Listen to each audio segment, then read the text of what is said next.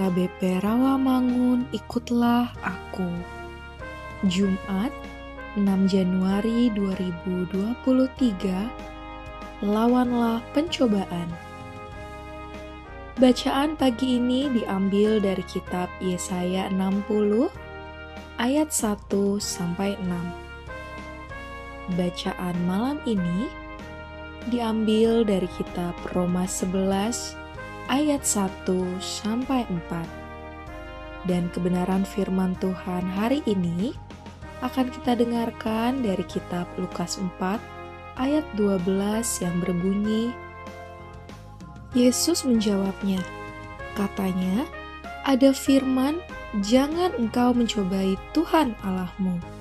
Demikianlah firman Tuhan. Sahabat, ikutlah aku yang dikasihi Tuhan Yesus. Di padang gurun, Yesus mempersiapkan karya keselamatan yang akan dibawanya kepada orang-orang yang ada di sekitarnya. Di tempat itulah, pendekatan dengan Bapa menjadi begitu terasa. Bahkan dikatakan bahwa Yesus dipenuhi dengan Roh Kudus. Kisah pencobaan di padang gurun ini menjadi kisah di mana Yesus mempersiapkan seluruh karyanya untuk mewartakan kabar baik kepada orang-orang sekitarnya. Persiapan itu dijalaninya dengan berpuasa selama 40 hari 40 malam. Sebuah masa persiapan yang panjang. Tentu saja kalau melihat kisah itu, Yesus berarti mempersiapkan diri dengan sungguh-sungguh. Berpuasa selama masa penting, dan ketika lapar, datanglah iblis menggoda. Manusia sering kali jatuh dalam godaan karena dalam posisi yang selalu lapar. Namun, tidak demikian dengan Yesus. Tiga godaan diberikan kepadanya.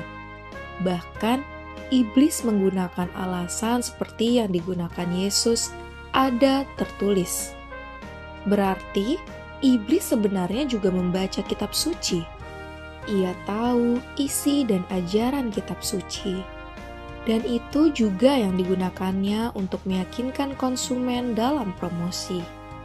Bagi kita, firman Allah dalam kitab suci seharusnya menjadi sumber dan kekuatan hidup kita setiap saat. Hidup kita sudah semestinya mencerminkan sabda-sabda Allah yang tertuang dalam kitab suci.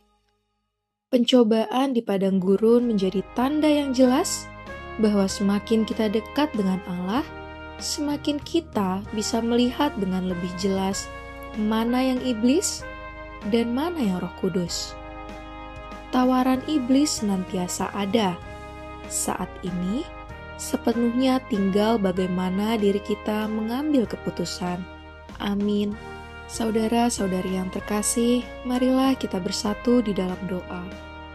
Ya Tuhan, bantu dan ajarilah kami untuk bisa bertahan dari godaan-godaan duniawi yang ada di sekitar kami. Amin.